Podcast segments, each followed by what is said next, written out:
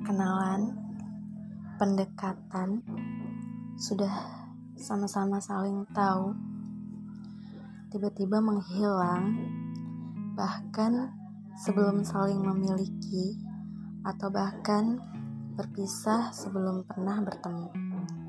Jadi, di podcast aku ini, aku menuangkan beberapa kutipan atau percakapan dari novel yang pernah aku tulis atau tulisan-tulisan tentang kekecewaan pada harapan yang dibungkus dalam satu kisah yang sendu.